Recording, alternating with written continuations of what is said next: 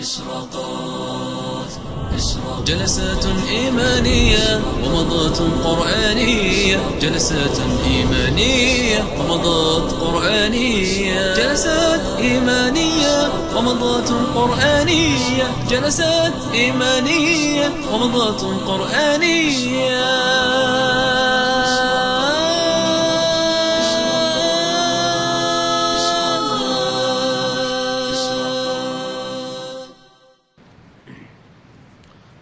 الله الرحمن الرحيم.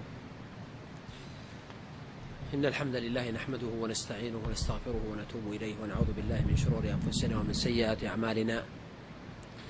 من يهدي الله فلا مضل له ومن يضلل فلا هادي له وأشهد أن لا إله إلا الله وحده لا شريك له وأشهد أن محمدا عبده ورسوله. صلى الله عليه وعلى آله وأصحابه وسلم تسليما كثيرا. هذا القرآن لا تنقضي عجائبه. فقبل يومين وقفنا مع سورة عبس وتولى ثم قرأها علينا الإمام اليوم في صلاة العشاء. فوجدت هناك معاني تأتي بسهولة وسلاسة وبشكل عجيب. مثلا وقع في ذهني في هذه السورة وفي أولها لما يسجل الله سبحانه وتعالى حقيقة ما جرى. أحيانا ممكن الإنسان يعاتب إنسانا ولكن دون أن يذكر ما حصل منه. فيكتفي بالعتاب. بينما في هذه السورة تجد تقريرا للأمر الذي وقع وبطريقة قوية جدا. أما من استغنى فأنت له تصدى وما عليك ألا يزكى وأما من جاءك يسعى وهو يخشى فأنت عنه تلهى فتجد تقريرا وتسجيلا للحادثة وهذا بحد ذاته عتاب. ثم تجد معه العتاب الآخر كلا. أيضا من المعاني التي تأتي سلسة ومنسابة. قوله تعالى عن القرآن بأيدي سفر كرام بررة. كأن هذا فيه إشارة إلى أن هؤلاء القوم وإن كفروا وجحدوا وأعرضوا عن القرآن إلا أن الله تعالى غني عنهم وأنه يوجد في عباده من الملائكة الذين اصطفاهم واختارهم وخصهم بالعبودية فهم لا يعصون الله ما أمرهم ويفعلون ما يؤمرون وهؤلاء خلق لا يحصيهم إلا الله عز وجل. كذلك لما يقول سبحانه أن صببنا الماء صبا. من المعاني لما تقرأ هذه الآية صببنا الماء صبا تستشعر الكرم. الكرم أنه الرزق يصب صب ولا يعطى بالتقطير وكذلك لما يقول سبحانه ثم شققنا الأرض شقا. هذا المعنى يوحي بماذا؟ الشق يوحي بالقوة والقدرة. فكلما تدبر الإنسان وتأمل وجد في القرآن شيئا عجبا. عندنا اليوم سورة عما يتساءلون. وهذه السورة لها أسماء عدة نحو من خمسة أسماء. فهي في معظم المصاحف وكتب الحديث تسمى سورة النبأ عن النبأ العظيم. وفي بعض كتب وفي بعض المصاحف وفي صحيح البخاري أيضا سماها عما يتساءلون باسم الآية الأولى فيها. أو سورة عما أيضا توجد هكذا في بعض المصاحف والكتب. وأحيانا يسميها بعض العلماء سورة التساؤل بالإشارة إلى معناها يعني لقول يتساءلون فأخذوا منها مصدرا. وكذلك تسمى سورة المعصرات لقوله سبحانه وأنزلنا من المعصرات ماء فجاجا هذه السورة مكية بإجماع أهل التفسير كما حكاه ابن الجوزي والرازي والألوسي والقرطبي وابن عاشور وغيرهم. وهي أربعون آية أو إحدى وأربعون آية على خلاف علماء العدد. في مطلع هذه السورة يقول الله سبحانه وتعالى عما يتساءلون وعما كلمة مركبة من حرفين. من سورة من من من عن وما. يعني عن ماذا يتساءلون؟ عن أي شيء يتساءلون؟ وأدغمت واختصرت وحذفت الألف فصارت عما يعني عن أي شيء يتساءلون؟ عما يتساءلون.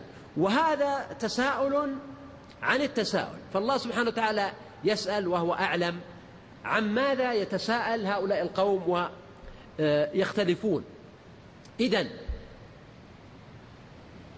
يتساءلون عن النبأ العظيم الأمر الهائل المفضع الحدث الكبير الذي وقع ووقع على العقول والقلوب والأسماع بل وعلى المجتمع وقعا عظيما غير هين.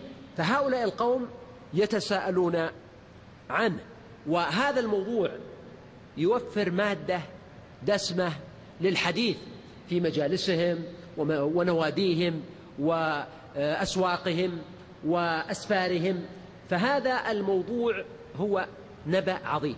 عما يتساءلون عن النبأ العظيم. قوله عن النبأ العظيم يحتمل أن يكون استكمالا للسؤال.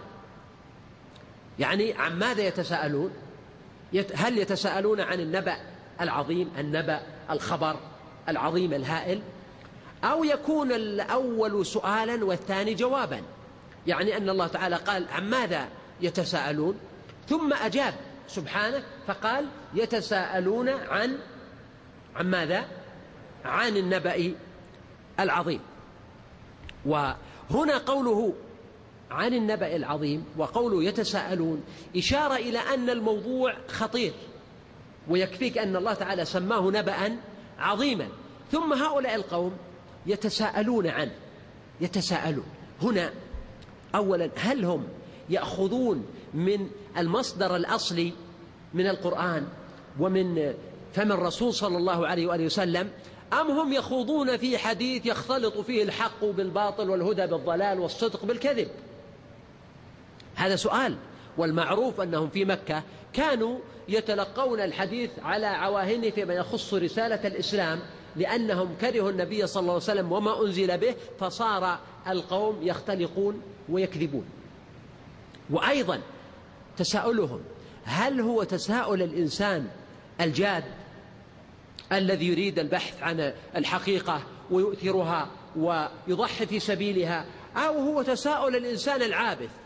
الذي فقط يريد مادة للتسلية والحديث والقيل والقال والمسامرة والمساهرة. أم هو تساؤل الإنسان المكذب الذي اتخذ قرارا بالتكذيب حتى قبل أن يسمع القصة؟ وإنما يطرح بعض الأسئلة وبعض الشبهات حتى يصرف الناس عنها. كل هذه الأشياء مدرجة في قوله يتساءلون وسوف أزيدها آه، وضوحا. هنا قال الله سبحانه وتعالى عن النبأ العظيم. يعني أن هذه القصة تستحق أن يتساءلوا عنها. فما هو النبأ العظيم؟ قال بعضهم هو القرآن. ولا شك القرآن نبأ عظيم كما قال الله سبحانه وتعالى قل هو نبأ عظيم أنتم عنه معرضون. فالقرآن نبأ عظيم. وكون النبي صلى الله عليه وسلم يخرج في قريش ويصبحهم ويقول إني نذير لكم أوحي إلي أنزل علي. هذا نبأ عظيم. بعضهم قالوا النبأ العظيم هو النبي صلى الله عليه وآله وسلم. وهذا لا شك نبأ عظيم لأن القرآن إنما أنزل على شخص رسول الله صلى الله عليه وآله وسلم وبه صار نبيا فهو قد نبئ بإقرأ وأرسل بالمدثر. وبعضهم قال إن النبأ العظيم هو البعث. وهذا حق أيضا فإن من أعظم ما جاء به النبي صلى الله عليه وسلم أنه كان يقول لهم إن حياتكم الدنيا هذه ليست إلا مقدمة. والحياة الحقيقية هي الدار الآخرة حيث البعث والجزاء والحساب والجنة والنار وهذا كان بالنسبة لهم أمرا آه، مفضعا كما قال قائلهم ممات ثم بعث ثم حشر. حديث خرافة يا أم عمرو يا أم عمري فكانوا يستغربون ويستفضعون أن يكون هناك بعث بعد الموت. إذا سواء قلنا القرآن أو قلنا الرسول صلى الله عليه وسلم أو قلنا البعث هذا كله حق بل نقول النبأ العظيم أشمل من ذلك كله وهو أمر الإسلام بكل تفاصيله فهو كان عندهم نبأ عظيما يختلفون فيه ويتساءلون. ولهذا قال عن النبأ العظيم الذي هم فيه مختلفون. وهنا الاختلاف. يمكن أن يكون الاختلاف بين المكذبين والمصدقين. فريق آمنوا وهم في الجنة وفريق كفروا وهم في السعير. فيكون قوله الذي هم فيه مختلفون يعني بين مؤمن وكافر. وهذه سنة الله سبحانه وتعالى في العباد. ولقد أرسلنا إلى ثمود أخاهم صالحا أن اعبدوا الله فإذا هم فريقان يختصمون. ويحتمل أن يكون قوله الذي هم فيه مختلفون يعني في تشخيصهم له ووصفهم له. فمنهم حتى من المكذبين مثلا من قال ساحر ومنهم من قال شاعر ومنهم من قال مجنون ومنهم من قال إنه يريد الدنيا إلى غير ذلك من الأقاويل التي اختلفوا عليها. أم يقولون شاعر؟ يتربص به ريب المنون. قل تربصوا فإني معكم من المتربصين. إلى غير ذلك مما حكاه الله عليهم وقرره وسجله عنهم.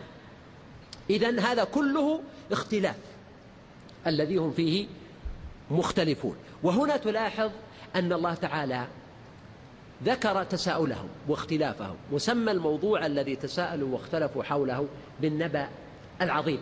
وهذا يقودنا إلى قضية مهمة وهي قضية التساؤل والاختلاف والاهتمام وكيف يجب أن يكون. فعندنا أول قضية هي قضية الموضوع يعني أن ما يتساءل الناس حوله أو يختلفون أو يبحثون ينبغي أن يكون مراعا فيه صدق الموضوع فيكون موضوعا جديرا بأن يبحثه الناس وأن يختلفوا حوله أو يتساءلوا عنه. ولو نظرت إلى واقع الناس اليوم بل المسلمين بل خلص المسلمين من الفقهاء وطلبة العلم والدعاة. لوجدت أن الكثير من الأنباء سواء كانت أنباء بمعنى أخبار أخبار ومجريات واقعية أو سياسية أو غيرها أو وجدت هذا هو الأهم القضايا التي يتحدثون عنها وينشغلون بها ويتجادلون حولها وتأخذ من وقتهم ومن عقولهم وأفكارهم وتسيطر عليهم وتجد الواحد ينام وهو يفكر فيها ويصحو وهو يفكر فيها. أن هذه القضايا يمكن أن يقال أن الموضوع نفسه لا يستحق منك هذا الجهد. وهذه مشكلة تربوية كبيرة جدا. والمؤسف أنها تكون مسيطرة على الإنسان. أحيانا يأتيني إنسان وهذا حصل مرات حتى خلال هذا المجلس مثلا قد يأتي إنسان ويطرح عندك موضوع. فيقول هل القول الفلاني أم القول الفلاني؟ فتقول له يا أخي هذا الموضوع ما يستحق أن تشغل نفسك به. فيطأطأ رأسه ويبتسم وهذا لا شك أنه من الأدب واللطف ويقول صحيح ولكن أنا قرأت في الكتاب الفلاني وسمعت الشيخ الفلاني وحضرت الحلقة الفلانية وقع عندي اضطراب واختلاف هل الأمر هكذا أو الأمر هكذا؟ طيب وما أدراك أن هذا الخلاف والاضطراب وأن قراءتك لهذا الكتاب أو انشغالك بهذا المجلس أنه كان أمرا فاضلا. ولماذا لا تعود على نفسك وتنظر؟ هل هذا الموضوع جدير أصلا بالاهتمام أو لا؟ إذا لم يكن جديرا بالاهتمام فضعه في الخرج وامضي واترك. وما أكثر القضايا التي تشغلنا وهي لا تستحق أن تشغلنا. وقد حصل معي شخصيا أنه يوم من الأيام كنت جالسا مع أحد الأشخاص وكان هذا الإنسان مكفر. على ما يقولون مكفراتي. كل الناس عنده كفار. إلا ندرة قليلة جدا. وكنت معه في أخذ ورد وجدل وهو مكفر أصلي ما هو يعني أي كلام. والرجل متحمس فيعني يتحرك بقوة وينفعل ويشتعل ويتحدث ويحاول أن يحاصرك ويتكلم ويرغي ويزبد. كل أعضائه تتفاعل مع هذه القضية. فحضر وقت الصلاة. فقلت له نصلي. والله يتكلم والإمام يقيم الصلاة وهو يتكلم. ويتكلم والإمام يكبر تكبيرة الإحرام وهو يتحدث. قلت له نصلي ثم نستأنف الحديث. وبالقوة أعطاني فرصة أن يكبر تكبيرة الإحرام. ولما سلمنا ما أظلمه.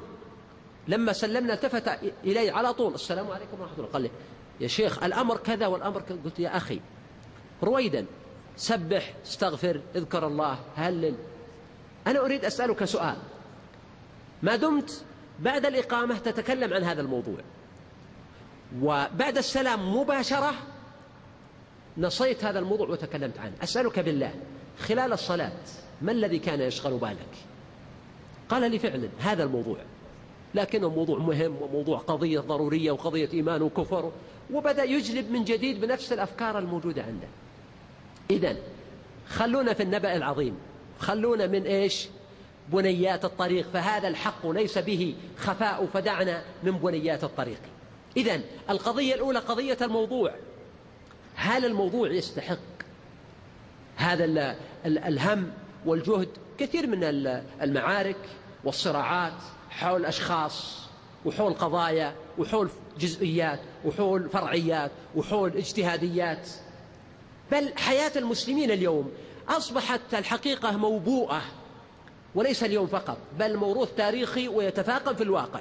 موبوءة بانشغالات موضوعية كثيرة جدا لا تنفع الناس في دينهم بحيث تقربهم إلى الله وتصفي قلوبهم. ولا تنفع الناس في دنياهم بحيث تحقق لهم التقدم المدني والحضاري والتصنيع والابتكار والتقدم الذي يستطيعون به أن يديروا شؤون دنياهم. هي أفكار وصراعات ومعارك الناس لا يريدون الكثير من الناس لا يريدون أن يتخلصوا منها ولا يريدون أن يرتقوا ويحلقوا في الأفق الأعلى.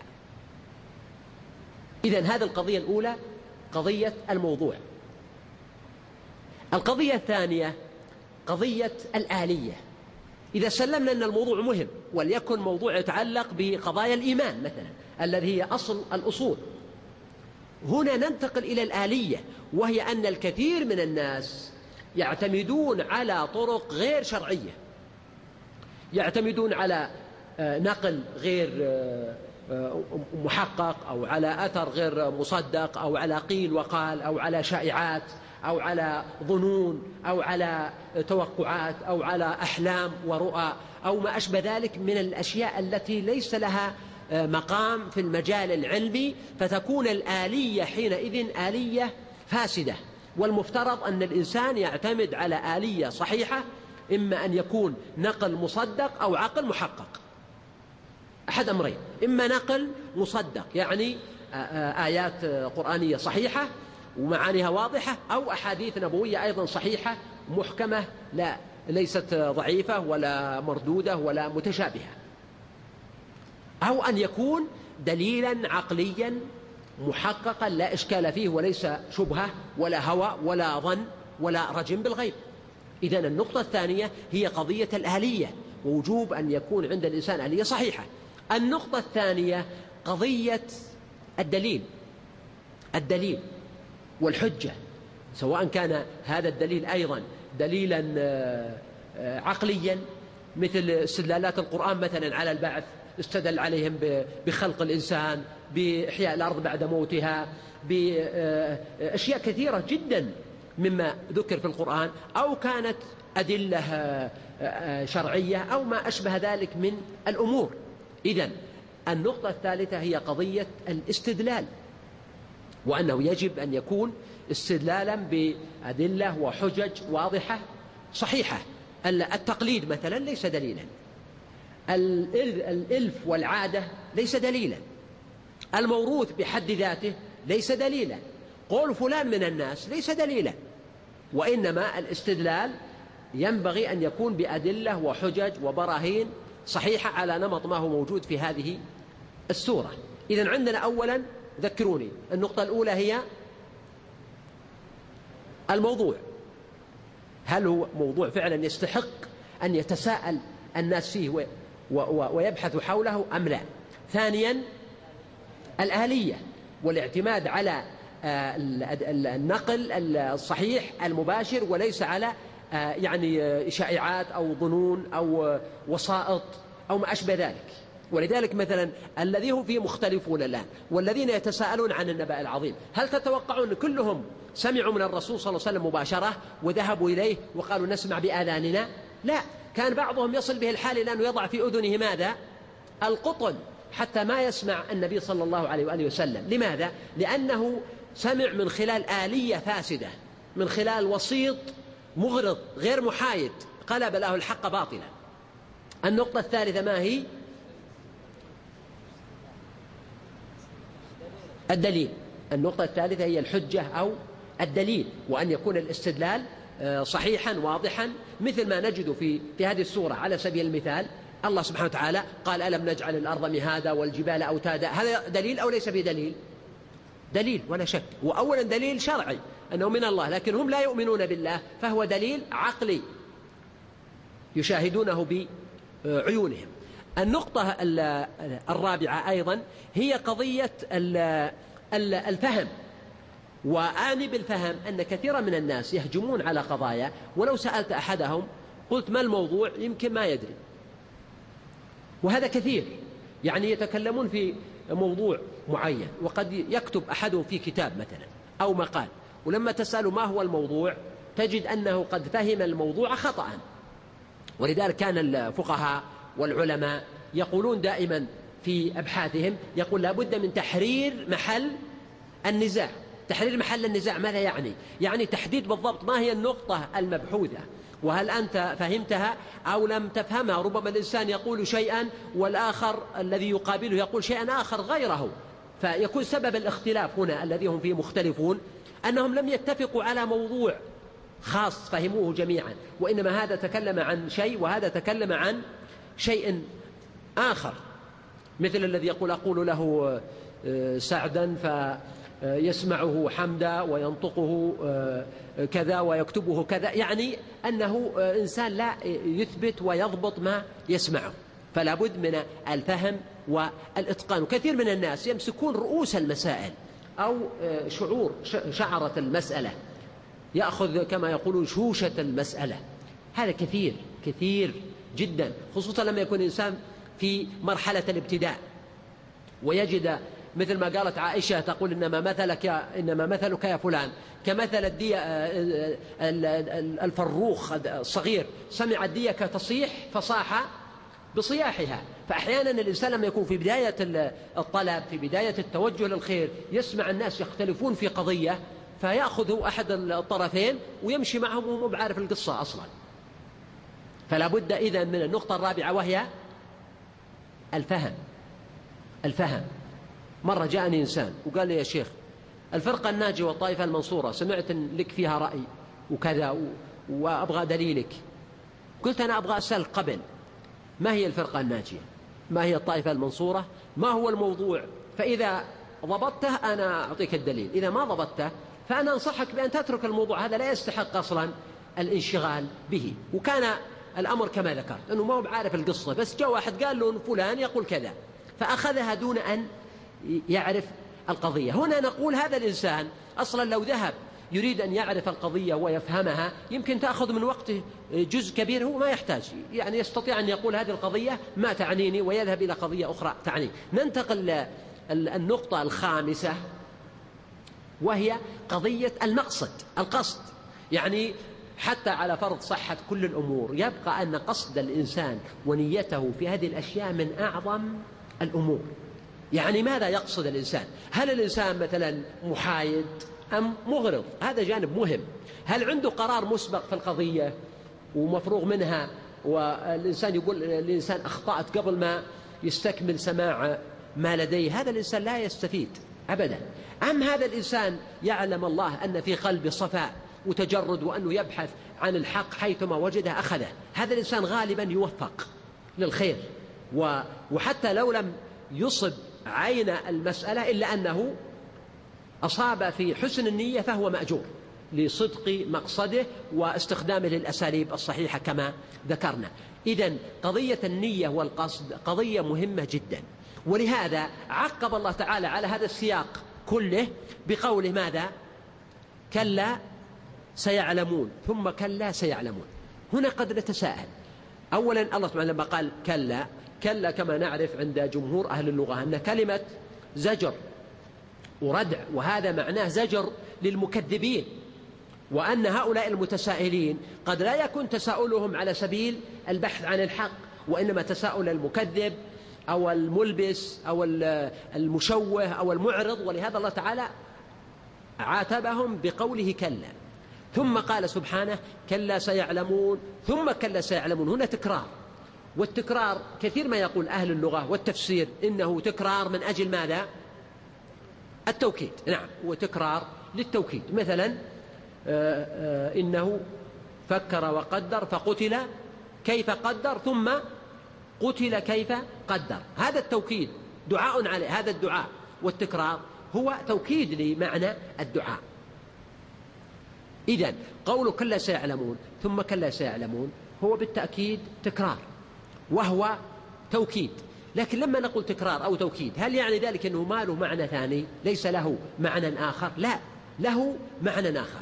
ولهذا قال بعض المفسرين إن كلا سيعلمون واحدة للمسلمين وواحدة للكفار بحيث اختلفت الجهة المخاطبة. وهذا عندي فيه ضعف لأن الآية فيها زجر لا يليق بمقام المؤمنين وأيضا أنه لا يوجد دليل على تخصيص هذه بالمؤمنين وهذه بالكفار.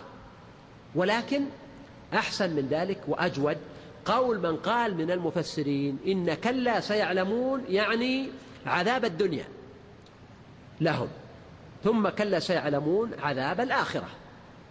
ويمكن لهؤلاء أن يقولوا مثلا أن عذاب الدنيا لهم في مثل ما حصل في معركة بدر. حينما قتلوا وسحبوا إلى القليب وأتبعوا لعنة ثم يوم القيامة أيضا لهم عذاب الآخرة. وهذا أجود من الأول. وأجود منه أن نقول إن كلا سيعلمون يعني أمر الدنيا وليس فقط عذاب الدنيا أمر الدنيا. ثم كلا سيعلمون أمر الآخرة. يقول لي قائل كيف أقول نعم. يعني مثلا الله سبحانه وتعالى لما قال إن هو إلا ذكر للعالمين في سورة صاد. ولتعلمن نبأه بعد حين. لاحظ استخدم كلمة نبأ. ولتعلمن نبأه بعد حين. نبأ ماذا؟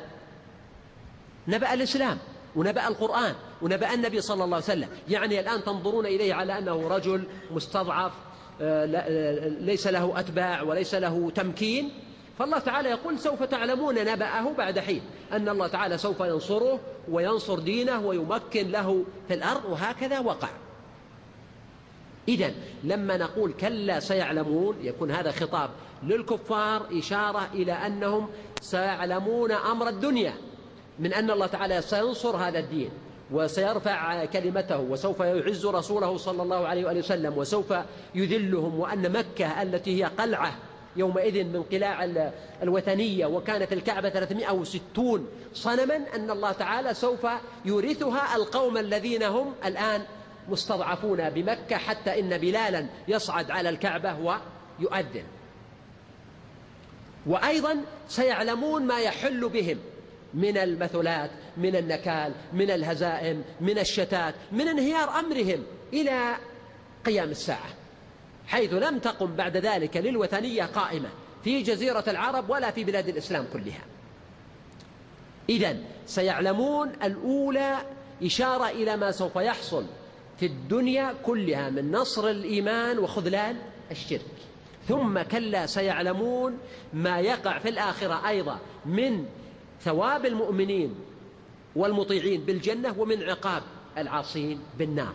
فيكون هذا المعنى أعم وأشمل ويؤكد هذا قول ثم لأن ثم تستخدم ماذا؟ تستخدم للترتيب والترتيب الزمني يعني المتأخر يعني بمعنى سيعلمون في الدنيا ثم سيعلمون في الآخرة فتجد أنه بهذا المعنى المعنى شامل ثم على وجهها آه، أيضا الخطاب وإن كان تكرارا في اللفظ إلا أنه ليس بتكرار في المعنى بل كل آية لها معنى آخر غير معنى الآية الأولى. هنا أيضا سؤال. الله سبحانه وتعالى لما قال كلا سيعلمون ثم كلا سيعلمون حتى قبل أن يذكر لهم الأدلة في السورة. ما هو السر والله أعلم وراء هذا التهديد؟ الآية ليس فيها تهديد ما هو السر وراء هذا التهديد؟ الذي يظهر لي أن السر وراء هذا التهديد ليس أن هذا التهديد سوف يصنع في قلوبهم الإيمان. هل رأيت أن التهديد يجعل الإنسان يؤمن؟ لا. التهديد بذاته لا يجعل الإنسان يؤمن وإنما التهديد يجعل الإنسان ينظر إلى الموضوع بإيش؟ بجدية. صحيح. يجعل الإنسان جاد. يعني كأن هذه الآيات وهذا السياق يقول لهم انظروا تفكروا تدبروا تأملوا إنه لقول فصل وما هو بالهزل إنه جد لا لعب فيه. فهذا نبأ عظيم وأنتم عنه معرضون يجب أن تنظروا إلى الموضوع بجد. وهذا قريب مما ذكرناه في قوله سبحانه كلا لما يقضي ما أمره. في أحد الأوجه أن معناها كما آه، ذكرنا أن الإنسان لم يتدبر حق التدبر ولم يتأمل حق التأمل. ولذلك نقول إن الإنسان العاقل لو نظر باعتدال وبعيدا عن المؤثرات سواء كانت مؤثرات اجتماعية أو تربوية أو بيئية أو غير ذلك لو أنه نظر إلى الحق باعتدال وبعيدا عن المؤثرات حتى المؤثرات النفسية تؤثر في الإنسان أحيانا فإنه يهتدي إلى الحق ولا بد ويعلم خصوصا القضايا الكلية في الدين التي هي قضايا الإيمان التي بها يصبح المرء مؤمنا مثل معرفة الله سبحانه وتعالى. يعني لو أن الإنسان آه، وقع له شك وأراد أن يعرف الحقيقة فقرأ ما كتبه أهل العلم وقرأ القرآن الكريم ونظر في نفسه ونظر في الكون لا بد أن يوصله ذلك إلى الإيمان وهكذا قضية البعث وهكذا قضية النبوة إلى غير ذلك. إذا هذا التهديد ليس مقصودا منه أن يصنع عندهم إيمانا ولكن مقصود منه حفزهم وحملهم على أن يتأملوا الأمر ويتدبروا فيه وينظروا. كما قال سبحانه في الآية الأخرى قل إنما أعظكم بواحدة أن تقوموا لله مثنى وفرادى ثم ثم إيش؟ تتفكروا.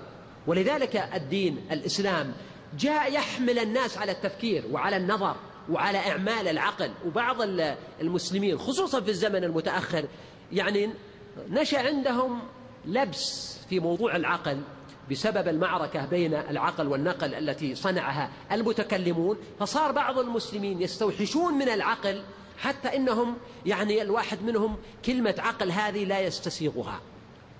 ولا أخفيك أنه أحيانا وأنا أدرس ربما الفقه لما أريد أن أقول الدليل من النقل والعقل أشعر أن هذا قد يشرق به بعض الطلاب فأقول الدليل من الأثر والدليل من النظر والمؤدى واحد.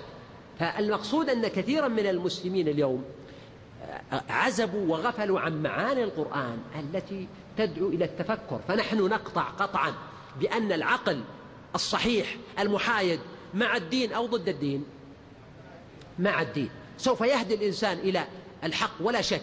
أما الذي يضل الإنسان فما هو؟ الهوى. الهوى. والهوى نقيض العقل. صح قد يلبس الإنسان هواه بشبهات واهية لكن هذا لا يسمى عقلا هذا يسمى هوى. إذا هذه نقاط خمس لا بد من آه، آه، مراقبتها. طيب آه، ثم انتقل الأمر بعد ذلك إلى سرد الأدلة والحجج والبينات. فقال الله سبحانه وتعالى ألم نجعل الأرض مهادا؟ هذا سؤال واستفهام واستفهامات في القرآن الكريم كثيرة جدا والسبب فيها هو أيضا حفز العقول على التفكير لأن المعلومة لما تقدم للإنسان جاهزة قد يأخذها تقليدا أو لا يلتفت إليها أصلا. لكن إذا جاءت المعلومة مصوغة في قالب سؤال فالسؤال يتحدى العقل للنظر والتفكير. فالله تعالى هنا يقول ألم نجعل الأرض مهادا؟ هذا السؤال.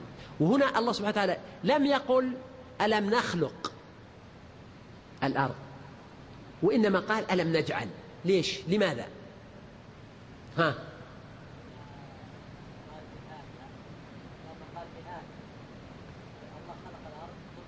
أيوة. إذا الله تعالى لم يخلق الأرض مهادا. لم يخلقها مهادا وإنما خلقها ولم تكن مهادا ثم جعلها مهادا بعد ذلك. فالمهد البسط جاء متأخرا وهذا يتناسب تماما مع ما قلنا في سورة عبس وتولى في قوله تعالى والأرض بعد ذلك دحاها. بعد ذلك يعني كانت خلقت ثم بعد السماء دحيت وبسطت ومهدت وجعلت قابلة للحياة. وبالمناسبة وأكد في سورة عبسة في سورة النازعات أن ظاهر السياق أن الأرض خلقت قبل السماء. ليش؟ لأنه لما قال آه، أخرج منها لما قال آه، لا قبل أأنتم أشد خلقا؟ أم السماء؟ بناها رفع سمكها فسواها وأغطش ليلها وأخرج ضحاها. ليلها وضحاها أين تكون؟ في الأرض. إذا خلق السماء في سورة النازعات في إشارة والله أعلم. هذا ليس جزما إنما هو ظاهر السياق. في إشارة إلى أن خلق الأرض كان سابقا. ولذلك قال وأغطش ليلها وأخرج ضحاها. والليل والضحى إنما هو انعكاس هذه الأجرام على الأرض. فهكذا هنا قال ألم نجعل الأرض مهادا؟ يعني خلقت أولا وكانت غير ممهدة ثم بعد خلق السماء الله تعالى جعلها آه، مهادا والمهاد هو المهد. والمهد نحن نعرفه حينما يكون الطفل صغيرا فتضع أمه له مهدا وفراشا موطئا يكون فيه. فالأرض هنا مهد وهي في مقام الأم كما كان أذكر في بيت شعر بس عزب عني لأحد شعراء الجاهلية أظن أمية بن الصلت أو غيره يصف الأرض بأنها أم. وكذلك بعض الشعراء المعاصرين أبو القاسم الشاب له قصيدة مشهورة لما يقول وقالت لي الأرض لما تساءلت يا أم هل تكرهين البشر؟ أبارك في الناس أهل الطموح ومن يستلذ, يستلذ ركوب الخطر ومن يتهيب صعود الجبال يعيش أبد الدهر وين؟ بين الحفر. طيب. إذا الأرض جعلها الله تعالى مهد ممهدة للإنسان فهي كالأم الرؤوم وفي ذلك أيضا إشعار بالبعث. في ذلك إشعار بالبعث لأن هذه الأرض التي هي مهاد لهم وهم أحياء هي أيضا مهاد لهم أموات حيث يدفنون فيها ثم يبعثون منها. ولهذا سماه الله تعالى مستودعا في بعض الآيات. يعني تس... آه، آه، تودع أجسادهم وعظامهم فيها ثم تؤدي ما استودعت. فهذه في إشارة. نعم هي إشارة غير واضحة لكنها إشارة تمهيدية تهيئ العقل لقبول ما بعده. وهذا من لطيف العلم كما يقول بعض أهل العلم في قوله تعالى لما تكلموا عن موضوع الخمر وتحريم الخمر. قال الله تعالى ومن ثمرات النخيل والأعناب تتخذون منه سكرا ورزقا حسنا. فقال بعض أهل العلم إن قوله سكرا ورزقا حسنا هذا أول إيماء غير مباشرة إلى منع الخمر لأنه جعل السكر على حدة والرزق الحسن على حدة فشعر الناس بأنه ليس من الرزق الحسن فيهيئ النفوس. وهكذا هنا قوله مهادا هذا كما أنه جعل الأرض مهادا فإنه جعل هذه الآية تمهيدا أيضا لذكر البعث وما بعده. ثم قال سبحانه وطبعا الأرض مهادا يعني بالعيش عليها والمشي والبناء والزرع والحفر وغير ذلك من ألوان العمل والارتفاق العظيمة التي يجدها الناس في الأرض. وكلمة الأرض هنا تشمل الأرض كلها والله أعلم. ولكنه قال بعد ذلك سبحانه والجبال أوتادا والجبال أوتادا. الجبال من الأرض أو ليست من الأرض؟ هي من الأرض هي من الأرض. ولذلك نقول أن بعض أهل العلم قالوا إن الإنسان أو المؤمن لا يشرع له أن يسكن في الجبال أو يكره له إلا عند الفتن. وهذا في نظري آه، لا دليل عليه. بل كثير من المناطق الجبلية مناطق في غاية الجمال والروعة والخضرة والأنس وفيها من تجليات الإبداع والشيء العظيم و وإنما الأرض تختلف وكلها صالحة للسكنى وإن كان الإنسان يفر من التجمعات أثناء الفتن ليس يفر من بر أو صحراء ولذلك قد يعتزل في صحراء. أو يعتزل في شعب أو يعتزل في جبل أو في ما شاء الله. هذا في أوقات خاصة إذا كان الإنسان يخاف من الفتنة. و... وإلا فالأصل هو الاجتماع والمخالطة والتأثير على الناس والإحسان إليهم وهذا هو منهج الأنبياء والمرسلين عليهم الصلاة والسلام. ولكن الله تعالى خص الجبال وهي من الأرض لأن للجبال مهمة خاصة. كما أسلفنا أن الله تعالى سمى الجبال أوتادا. والظاهر أن هذه هي الآية الوحيدة التي وصف الله تعالى فيها الجبال بأنها أوتاد وأن من معاني كونها أوتاد أنها تثبت الأرض أنها تثبت الأرض آه، بحيث أن الجبل له عمق بقدر ارتفاعه أو يزيد في باطن الأرض يساهم في تثبيت الأرض وحفظها بإذن ربها. وخلقناكم أزواجا. أيضا هذا مما امتن الله به عليهم. وتجد أن السياق اختلف لأن الأول كان سؤالا ألم نجعل الأرض مهادا؟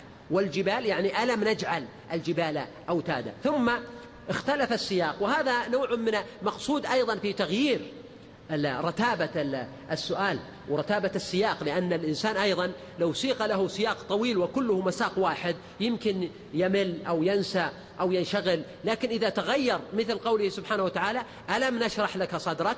ثم قال في الآية التي بعدها ووضعنا. ما قال ألم نضع؟ وإنما قال ووضعنا. وأيضا فيه إشارة إلى أن جواب السؤال الأول موجودة متضمنة لأنه لما قال ألم نجعل الأرض مهادا كان المعنى قد جعلنا الأرض مهادا والجبال أوتادا. ولذلك عطف عليه قوله سبحانه وخلقناكم أزواجا. وهذا خلق الناس أزواج يعني أصناف وأضداد وأشباه أيضا. هناك الذكر والأنثى. هذا سر من أسرار الألوهية.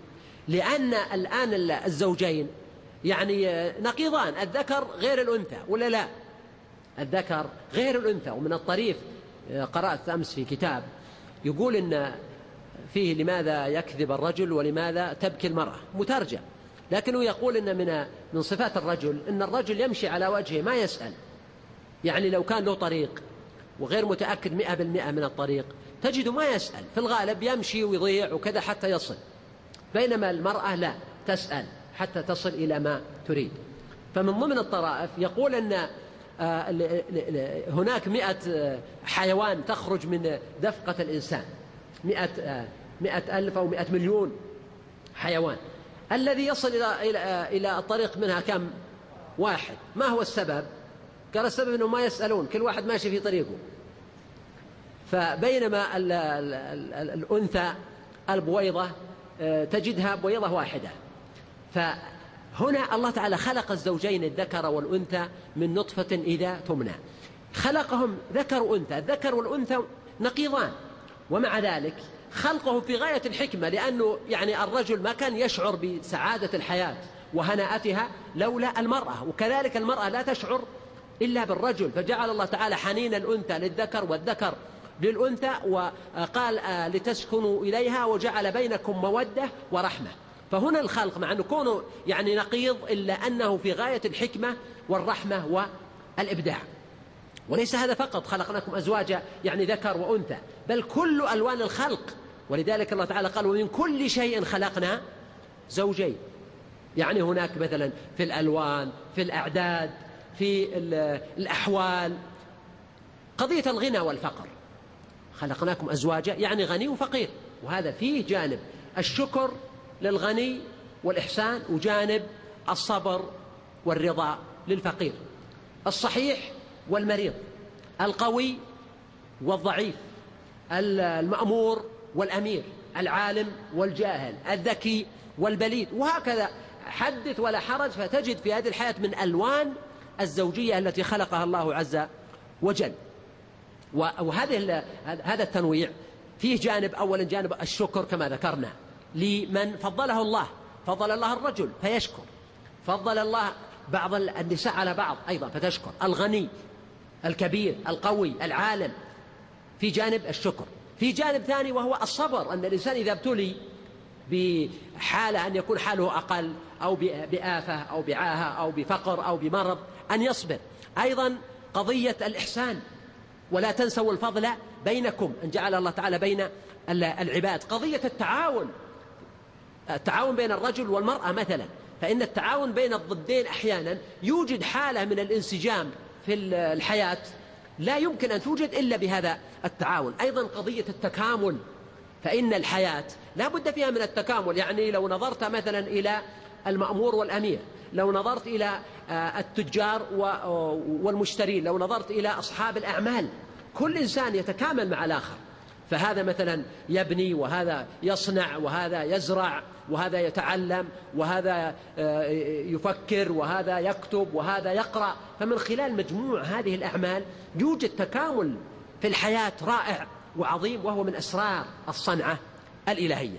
ثم قال الله تعالى وجعلنا نومكم سباتا.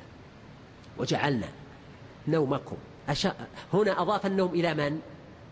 إلى الناس. جعلنا نومكم. النوم الذي تعرفونه.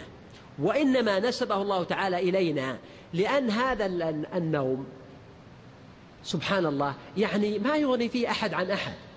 كل إنسان يحتاجه. فلو إنسان لو, لو أن الناس كلهم ينامون إلا واحد ربما شعر هذا الإنسان بالحرمان العظيم. فالنوم يعني من الأشياء الضرورية ضرورة عين لكل أحد. حتى إنهم يقولون إنه لا يمكن للإنسان أن يعيش بدون نوم أبدا. مع أن النوم عبارة عن موتة صغرى إلا أن الإنسان لا يمكن أن يعيش بدون نوم. وقد ذكر أهل العلم أذكر من حزم في كتاب طوق الحمامة أظن. وغيره من أهل العلم المتقدمين والمتأخرين والأطباء تكلموا عن أن هناك مدة معينة ممكن نقول مثلا 18 يوم 20 يوم أقل أكثر باختلاف الأجساد. إذا مضى الإنسان هذه المدة دون نوم فإنه يموت. لا بد أن هذا الجسم أن يأخذ حقه من الراحة والاسترخاء. وجعلنا نومكم. ولهذا بالنسبة لليل ما قال الله ليلكم في الآية التي بعدها؟ قال وجعلنا الليل لباسا لأن الليل مو بخاص بالإنسان بل الحيوانات والكون كله يعني يتلبسه الليل. حتى إن أيضا آه، اكتشفوا في في اليابان وهذه ذكرها الأستاذ محمد قطب في كتاب دراسات قرآنية أنه يعني أحد الشركات وضعت آه، يعني مصابيح ضخمة جدا كشافات في منطقة معينة. وبجوارهم مزرعة فاكتشف المزارع أن زرعه آه، تأثر جدا بهذه الإضاءات الليلية ورفع دعوة عليهم وكسب الدعوة ومن خلال الدعوة تبين أنه حتى النباتات وغيرها تحتاج إلى هذا الظلام الذي يلفها. أما النوم فهو للإنسان ولهذا الله تعالى قال وجعلنا نومكم. ثم لاحظ الإبداع في قوله وجعلنا نومكم سباتا. سباتا ما معنى سبات؟ يقول أهل اللغة اليوم جاء هذا في شرح البلوغ ما رأينا الشمس سبتا. إن السبات هو القطع السبت هو القطع. إذا وجعلنا نومكم سباتا. من معاني الآية أن النوم يقطع حياة الإنسان الرتيبة. يعني الإنسان في الحياة يعمل مثل ما قال وجعلنا النهار معاشا فهو يكدح ويشتغل وعنده آلاف القضايا والهموم والمشاغل حتى إن الإنسان ربما يصاب أحيانا بأمراض مثل السكر ارتفاع الضغط انخفاض الضغط الكوليسترول الجلطة ال ال وهذه غالبا سببها ماذا؟ ضغوط الحياة ضغوط العمل فالله تعالى قال جعلنا نومكم سباتا يأخذك النوم بالقهر والقوة ولذا حتى الجبابرة والكبار وكل الناس يأخذهم النوم بالقوة إذا ما اختاروا هذا اختيارا يأخذهم بالقوة ثم يرمي بهم في مهاجعهم حيث النفس يتردد لكن لا حس ولا وعي ولا إدراك لا يسمع السؤال ولا يرد الجواب ولا يعي ما حوله. فهذه أعجوبة. أعجوبة والناس ما يدرون حتى العلماء ما يدرون كيف يتم النوم. هذه من أسرار ربنا سبحانه. لكنه عجب. نومكم سباتا. إذا أحد معانيه أنه يقطع عليك هذا التسلسل للضغوط والمشاكل والمشاغل ويعطيك فترة من الراحة والإستجمام. هذا من معاني سباتا أيضا من معاني السبات. أن النوم نفسه يعني يخلد فيه الإنسان إلى عالم آخر. فهذا النوم عالم مستقل. فيه أحلام وفيه رؤى والإنسان فيه يسافر ويطير ويوقع ويقابل ويكتب ويمضي عقود ويهادن ويحارب. ويأتي يعني أحوال غريبة جدا. فهو يعني ينقله إلى عالم آخر. بل جعل الله تعالى النوم في القرآن أمنة. إذ يغشيكم النعاس أمنة منه حتى كان الواحد منهم يسقط السيف من يده من النعاس وخلال ثواني يصحو فإذا به قد استعاد كل عافيته وقوته ونشاطه. فيقطع النوم عن الإنسان التعب والإجهاد والإعياء ويعيد له قوته وحيويته. من معاني السبات أيضا أن الله تعالى جعل النوم وإن كان يأخذ الإنسان ويأخذ روحه إلى حيث يشاء الله إلا أنه قابل للاستيقاظ يعني إغفاء سريعة. يستخدمون هذه في الجوال أحيانا. إغفاء سريعة. النوم آه، ينام الإنسان لكن إذا صحي صحى. أما لو كان الإنسان إذا نام لا يمكن أن يستيقظ ولذلك بعض الناس الذي يكون نومه ثقيل. يجد صعوبة. لو أن نوم الإنسان مثل نوم أهل الكهف. ونقلبهم ذات اليمين وذات الشمال وكلبهم باسط ذراعي بالوسيط. بعض الناس تفوته مصالحه وتفوته آه، الصلاة وتفوته الطيارة ويفوته الاختبار. ويقول العذر ما هو؟ والله النوم ثقيل. إذا من رحمة الله أن الله تعالى جعل النوم سباتا يعني قابل للقطع. قابل أنك تقطع النوم وتستيقظ وتذهب يعني آه، حاجاتك ومقاصدك آه، فيكون النوم إذن بقدر حاجة الإنسان. طيب آه، طبعا بالمناسبة يعني النوم السبات مهم جدا وهو جزء من ضرورات صحة البدن. ولا يزال العلماء يؤكدون يوما بعد يوم أن ديون النوم الديون التي عليك في النوم بقلة النوم هذه الديون لا تضيع أبدا بل تدفعها وتدفعها بفائدة بزيادة في المستقبل. يقول لك مثلا تسبب الإجهاد تسبب ضعف التركيز تسبب هرم الذاكرة وكون الإنسان ينسى بسرعة. بل تؤثر في الناحية العاطفية عند الإنسان الاستقرار العاطفي تكون سبب لسرعة الانفعال. وسرعة الغضب والهرم وتؤثر على أنسجة الإنسان بل على خلايا المخ وغيرها. ولهذا على الإنسان أن يأخذ قدره من النوم والقدر من النوم ليس محددا. قد يكون يختلف من شخص لآخر ولكن غالب الناس يحتاجون ما بين ست إلى ثمان ساعات من أجل المحافظة على حيويتهم وعلى آه، قوتهم وعلى نشاطهم ومن أجل تجنب التعرض للأزمات النفسية أو الأزمات القلبية حتى. أعتقد أننا نقف عند هذا الحد نواصل إن شاء الله آه، غدا. آه، موعدنا إن شاء الله مع الأخوة في السكن. سبحانك اللهم وبحمدك نشهد أن لا إله إلا أنت نستغفرك ونتوب إليك. إشراقات إشراق جلسات إيمانية ومضات قرآنية. جلسات إيمانية ومضات قرآنية. جلسات إيمانية ومضات قرآنية. جلسات إيمانية ومضات قرآنية.